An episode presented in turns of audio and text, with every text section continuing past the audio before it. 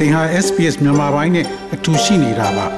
sbs.com.au/burmese မှာပုံမထူးခဲ့တဲ့သတင်းစာမားတွေကိုရှားဖွေပါ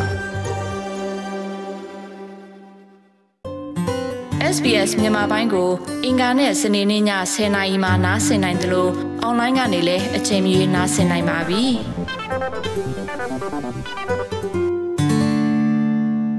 တော်ရရှိမြခင် Queensland ရဲ့ ရေကြီးရေရှာမှုအကြက်တဲ့ဟာ Queensland တောင်ဘက်နဲ့ New South Wales မြောက်ပိုင်းသို့ရွှေ့လျားလာနေတာကြောင့်လာမယ့်ရက်များမှာပုံမဆိုးဝါးလာမယ်လို့မျှော်မှန်းနေကြပါတယ်။ရေကြီးမှုကြောင့် Gold Coast ကအမျိုးသားတဦးနဲ့သူ့ရဲ့ခွေးတို့ဟာရေထဲမျောပါသေဆုံးသွားခဲ့ရပါတယ်။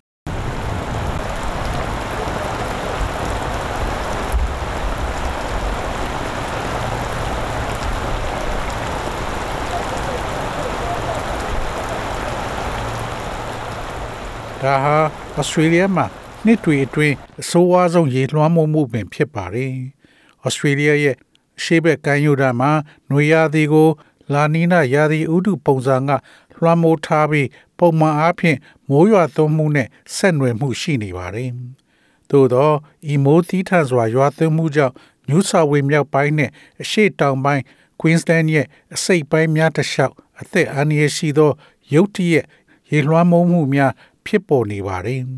။မြို့နဲ့စင်ကြေပုံးရက်ွက်များမှာရေနစ်မြုပ်နေပြီးတချို့နေထိုင်သူများဟာအိမ်ခေါင်မိုးပေါ်တွင်တောင်တင်နေပြီးတချို့မှာလမ်းမများပေါ်တွင် ကနူးလှေများဖြင့်၎င်းတို့ရဲ့နေအိမ်မှဘေးလွတ်ရာသို့ရွှေ့ပြောင်းနေကြပါတယ်။လမ်းများနဲ့ကြောင်များပိတ်ထားရပြီးယထာများကိုလည်းဖျက်သိမ်းထားပါတယ်။ Queenslander များအတွက်ယခုမိုးရွာသွန်းမှုလျော့ပါလာတော့လေ တည်တည်သားသားရေကြီးခြင်းရဲ့အန္တရာယ်ဟာတိုးလာနေသေးကြောင်းမိုးလေဝသဌာနမှဒိုင်နာအက်ဒီကပြောဆိုပါတယ်။အပြင်းထန်ဆုံးမိုးသည်ယခုအခါ Queensland ရဲ့အရှေ့တောင်ဘက်အစိတ်အပိုင်းအများအပြားအတွက်ရောပါသွားခဲ့ပြီး Gold Coast area နဲ့ Scenic Rim အနားကတောင်ဘက်ဆွန်များမှာချိန်ချမှုဆက်လက်ဖြစ်ပေါ်နေပါသေးတယ်။ယခုတခါပြင်းထန်သောမိုးဟာ New South Wales အရှေ့ဘက်သို့ရွှေ့ရှားနေပြီး Queensland အရှေ့တောင်ဘက်အများပြားတွင်အာရုံသွားပြီးသိသာထင်ရှားသော ရေကြီးရေရှမ်းမှုအန္တရာယ်သည်တကယ့်ကိုစစ်မှန်နေပါသေးတယ်။ Queensland တွင်အရှိန်ဟုန်မြင့်ရေများနစ်မြုပ်ပြီးလူ၈ဦးသေဆုံးခဲ့ရပါတယ်။နောက်ဆုံးသတင်းထုတ်ပြန်ချက်မှာအသက်50အရွယ် Gold Coast အမျိုးသားတဦးဖြစ်ပြီး၎င်းရဲ့ခွေးနဲ့အတူနာနဲ့3နာရီအချိန်ခန့်တွင် မိုးသီးထန့်စွာရွာသွန်းမှုကြောင့်သူ့ရဲ့ကားမျောပါသေဆုံးသွားခဲ့ခြင်းဖြစ်ပါတယ်။အဆိုပါယင်းသည် ရေကြီးရေရှမ်းမှုအတွင်းမီတာ30မှ40မီတာအကွာသို့ မောင်းနှင်းသွားခဲ့ပြီးအရေးပေါ်ဝန်ဆောင်မှုများကအဲ့ကားဒီနီယာကို ရှာဖွေနိုင်ခြင်းမရှိခဲ့ပါဘူး။နောက်ထပ်အသက်59နှစ်အရွယ်ရှိလူတစ်ယောက်သည် Brisbane မြို့မြောက်ဘက်တွင် ရေရှမ်းနေသောချောင်းကိုခြေလျင်ဖြတ်ကူးက ချန်စီယိုနဲ့ချိတ်မိပြီးနောက်ရေနစ်သေဆုံးသွားခဲ့ပါတယ်။စနေနေ့ကမြို့လေအနီး Brisbane မြစ်အတွင်းသင်္ဘောပေါ်မှပြုတ်ကျခဲ့သော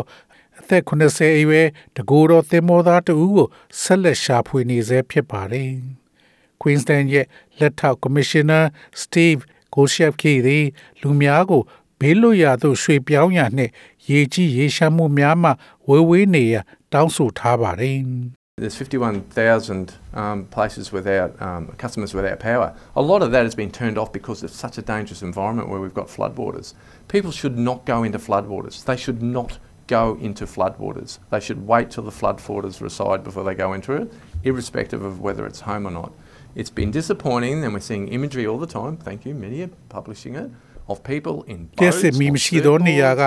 9000ထောင်ရှိပါတယ်။ရေကြီးတဲ့အခါအန္တရာယ်ရှိတဲ့ပါဝန်းကျင်ကြောင့်လက်စစ်ပေးတာတွေအတော်များများကိုပိတ်ထားရပါတယ်။သူတို့သည်ရေလွှမ်းမိုးခြင်းသို့မသွားသင့်ပါဘူး။ရေလွှမ်းမိုးခြင်းသို့မသွားပါနဲ့။ရေထဲကိုမဖြတ်ကျော်ခင်ရေကြီးရေရှမ်းတဲ့နေရာကိုစောင့်ဆိုင်သင့်ပါတယ်။ဒါမျိုးစိတ်ပြက်စရာကောင်းပြီးပုံရိပ်တွေကိုအမြဲမြင်နေရပါတယ်။လှေပေါ်ကလူတွေ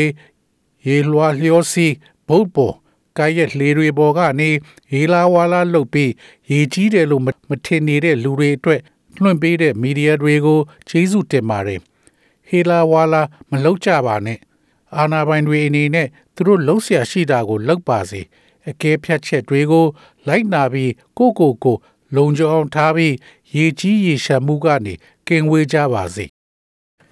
ခြားသာပတိနေ့ကလေးက Brisbane မှာမိုးရေ950မီလီမီတာနီးပါးကျဆင်းခဲ့ပါတယ်။ Brisbane မြို့နဲ့၎င်းပါဝင်ခြင်းတွင် ရေကြီးမှုသည်ရာစုနှစ်တစ်ခုအတွင်းတစ်ကြိမ်ဖြစ်ပွားခဲ့သောဖြစ်ရပ်တစ်ခုကြောင့်လူဦးရေ1.6သန်းကရေလွှမ်းမိုးခံခဲ့ရတဲ့2011ခုနှစ်နောက်ပိုင်းတွင်ဒါကအဆိုးဝါးဆုံးဖြစ်ပါတယ်။ Brisbane မြို့သည်ယနေ့နံနက်ပိုင်းတွင် 3.8မီတာအမြင့်သို့ရောက်ရှိခဲ့ပြီး2011ခုနှစ်တွင် တာရှာမုန်တိုင်းပြီးတဲ့နောက်စံချိန်တင်4.46အောက်မှာရှိနေပါတယ်။ပြည်내သဘာဝဘေးအန္တရာယ်အာဏာပိုင်များက Brisbane နဲ့ Gympie ကိုသဘာဝဘေးအန္တရာယ်ဇုံများလို့ကြေညာခဲ့ပါတယ်။ Queensland မြို့တော်နဲ့၎င်းပါဝင်ခြင်းမှာတနင်္ဂနွေနေ့မွန်းလွဲပိုင်းကစလို့အကူအညီတောင်းခံမှုပေါင်း8000ကျော်ကို လက်ခံရရှိပြီးနောက်အရေးပေါ်ကယ်ဆယ်ရေးသမားများသည်ရေအမြန်ကယ်ဆယ်မှု Swift Water Rescue တရားကျော်ပြုလုပ်ခဲ့ရပါတယ်။ Paddington နဲ့ Brisbane စင်ကြေပုံမှာအခြေစိုက်တဲ့ဘိသုကပညာရှင် William Elliot ကမြို့တော်ရေလွှမ်းမိုးမှုကိုနောက်တစ်ကြိမ်ထပ်မြင်ရဖို့မမျှော်လင့်ထားဘူးလို့ပြောဆိုပါတယ်။ We always said it'll never flood in Brisbane again. I think after last time, I think after the flood inquiries and the, and the dam levels, I think we all just sort of thought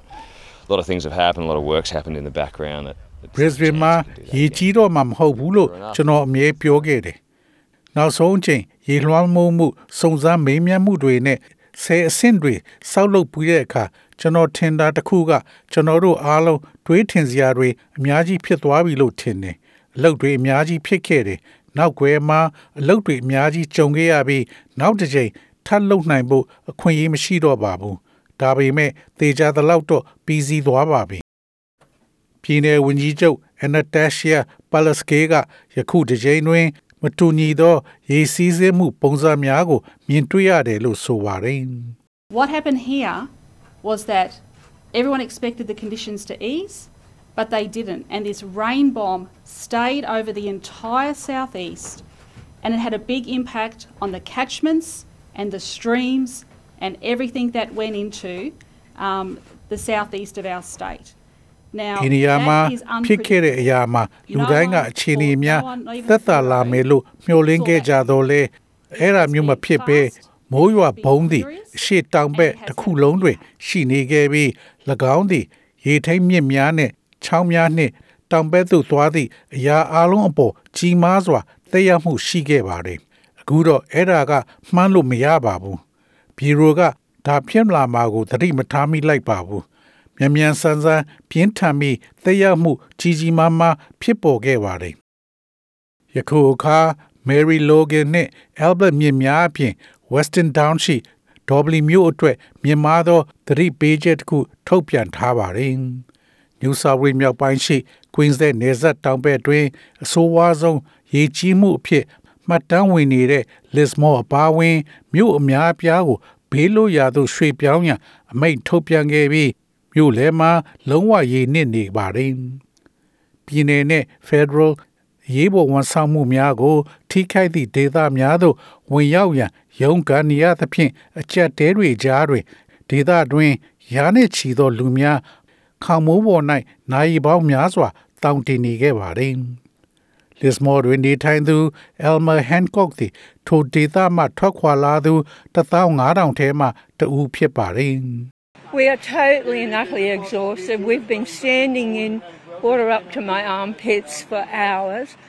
We, my house got flooded. I went, walked over to my daughter's. We're on the same property. Her house then got flooded. Took about two hours to from me leaving my home, and the water just rushing in, and then it took two hours and. We had over a meter of ကျွန်ုပ် water တို့ in သည် my daughter's လုံးလုံးလျားလျား We packed ပင်ပန်း up နွမ်းနေနေပါတယ်ကျမတို့ကကျမတို့လက်မောင်းတွေအထိရေထဲမှာမတ်တက်ရက်နေရတာနိုင်ပေါင်းများစွာကြာပါပြီ We're just ကျမအိမ်ရေမြုပ်သွားပါတယ်ဘာလို့လဲဆိုတော့သမီးအိမ်ကလည်းအဲ့ဒီနေရာမှာပဲအတူတူရှိနေပြီး ကျမသမီးစီကိုလမ်းလျှောက်သွားပါတယ်နောက်တော့သူ့အိမ်ကရေမြုပ်သွားတယ်အိမ်ကထွက်လာတာနှစ်နာရီခန့်ကြာပြီးရေတွေတဟုန်ထိုးဝင်သွားပြီးတော့နှစ်နာရီလောက်ကြာတော့သမီးရဲ့အိမ်မှာရေတစ်မီတာကျော်လောက်ရှိပါတယ်ကျမတို့အိမ်ကနေအားလုံးကိုထုတ်ပိုးပြီးတော့သမီးအိမ်ကိုလည်းထုတ်ပိုးပေးပါတယ်ကျမတို့မှာကြောင်နှကောင်နဲ့73နှစ်သားမြေးတစ်ယောက်ရှိတယ်ကျမတို့လုံးဝကိုပင်ပန်းနေပါပြီ လစ်မော်သည်ရေကြီးခြင်းအတွက်အထူးအဆန်းမဟုတ်တော့လေဒေသခံများကယခုတစ်ကြိမ်သည်ရေလွှမ်းမိုးမှုဘေးဆိုးဟုခေါ်ဝေါ်ခြင်းမှကွဲပြားသည်ဟုဆိုပါတယ်။ရေနစ်မြုပ်နေတဲ့အိမ်ကနေကေတင်ခံရတဲ့ဒေသခံအမျိုးသမီးကတော့ဒီလိုမျိုးတစ်ခါမှမတွေ့ဘူးလို့ပြောဆိုပါတယ် I'm waiting for my parents and my yeah my mum, my brother, my dad, and two dogs. Yeah, I live in South. I've never seen it like this ever. I- Like it's ကျမမိဘတွေအမေမောင်လေးအဖေနဲ့ခွင်းနှကောင်ကိုစောင့်နေပါတယ်ဟုတ်တယ်ကျမတောင်ပိုင်းမှာနေတော့ဒီလိုမျိုးတစ်ခါမှမတွေ့ဘူးပါဘူးကျမတို့ရဲ့ဒုတိယဇာလန်းလိုပါပဲအဲ့ဒါကိုတစ်ခါမှမမြင်ဘူးပါဘူးတိုင်တန်နစ်သင်္ဘောပေါ်ကနေခုန်ချသွားသလိုမျိုးဒေသခံခြံဝင်းတစ်ခုရဲ့လာတာဆောင်ကနေကယ်တင်ခံရတဲ့ဒေသခံတစ်ခုကပြောဆိုပါတယ် ကယ်ဆယ်ခြင်းခံရတဲ့အသက်အရွယ်ကြီးရင်သောသူငယ်ချင်းဖြစ်သူအားငားများလေပေါ်မှကြောကုံဘိုးပေါ်ထမ်းလာရကြောင်းပြောကြားပါတယ်။လစ်မောနေထိုင်သူသည် သူ့အိမ်ရေမြုပ်ပြီးကတည်းကသူ့မိဘအိမ်ခေါင်မိုးပေါ်တွင် စခန်းချနေရပါတယ် spoke to the SES and the police, and they told me to get as high as I could go. So I went up into the manhole in the roof, into the attic, and stayed up there for a couple of hours. And then the water started to come into the house. So um, I was on the phone to my best mate, and he said, "Mate, you got to get out of there because if you don't get out now, if something happens, you're never going to get out." So. Um, one of the neighbours was driving around in his boat helping people, so I just got to lift up to my mum and dad's, and they were on the roof. ကျွန်တော် SES နဲ့ရဲတွေကိုပြောခဲ့ပြီးတတ်နိုင်သမျှ မြင်းတဲ့နေရာကိုတက်ဖို့ပြောတော့ခေါင်မိုးဘော်ကိုထက်ခိုးပေါ်ကတက်ပြီးအဲ့ဒီနေရာမှာနိုင်အနှဲငယ်ကြာအောင်နေပြီးတော့ရေကထပ်တက်လာပါတယ်အိမ်ထဲကိုဝင်လာတော့ကျွန်တော်ရဲ့အခင်ဆုံးအဖော်ကို ဖုံးဆက်ပြီးပြောပြီးအဖော်ကနင်ထွက်သွားမှတခုဖြစ်သွားရင်နင်ဘယ်တော့မှထွက်မသွားနဲ့လို့ပြောပါတယ်ဒါနဲ့အိမ်နီးနားချင်းတယောက်က သူ့လှေကို ဝိုင်းမောင်းလာရင် လူတွေကိုကူညီရင်းဖေဖေနဲ့မေမေကိုလှေကားကနေတက်ခိုင်းပြီးအိမ်ခါမိုးပေါ်တင်ပေးပါတယ်ညနေ6နာရီလောက်ကတည်းကအိမ်ခါမိုးပေါ်မှာစခန်းချနေကြပါတယ်ဒီနေ့မနေ့9နာရီအထိပါပဲ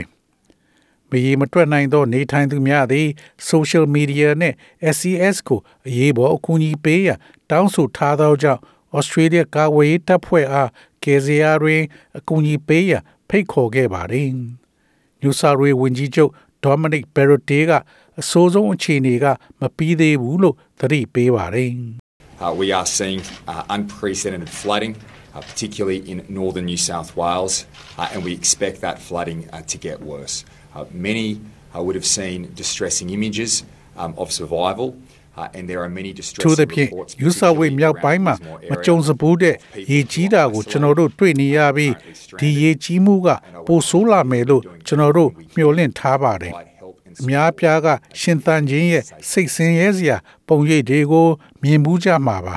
အထူးသဖြင့် this small area တဝိုက်မှာအထီးကျန်ပြီးတောင်တင်နေကြတဲ့သူတွေရဲ့စိတ်ဆင်းရဲစရာအစီရင်ခံစားတွေအများကြီးရှိပြီးကူညီထောက်ပံ့မှုတွေပေးနိုင်ဖို့ တတ်နိုင်သမျှလှုပ်ဆောင်နေကြောင်းရှင်းရှင်းလင်းလင်းပြောချင်ပါတယ်တတ်နိုင်သမျှမြန်မြန်နဲ့ဘေးကင်းကြပါစေ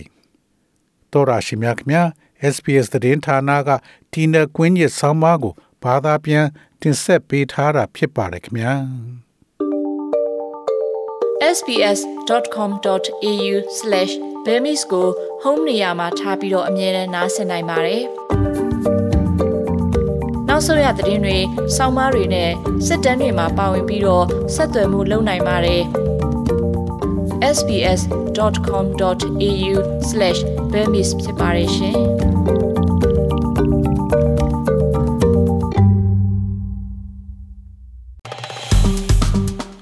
SPS မြန်မာပိုင်းကို Facebook ပေါ်မှာ like ရှာပြီး like မျှဝေမှတ်ချက်ပေးပါ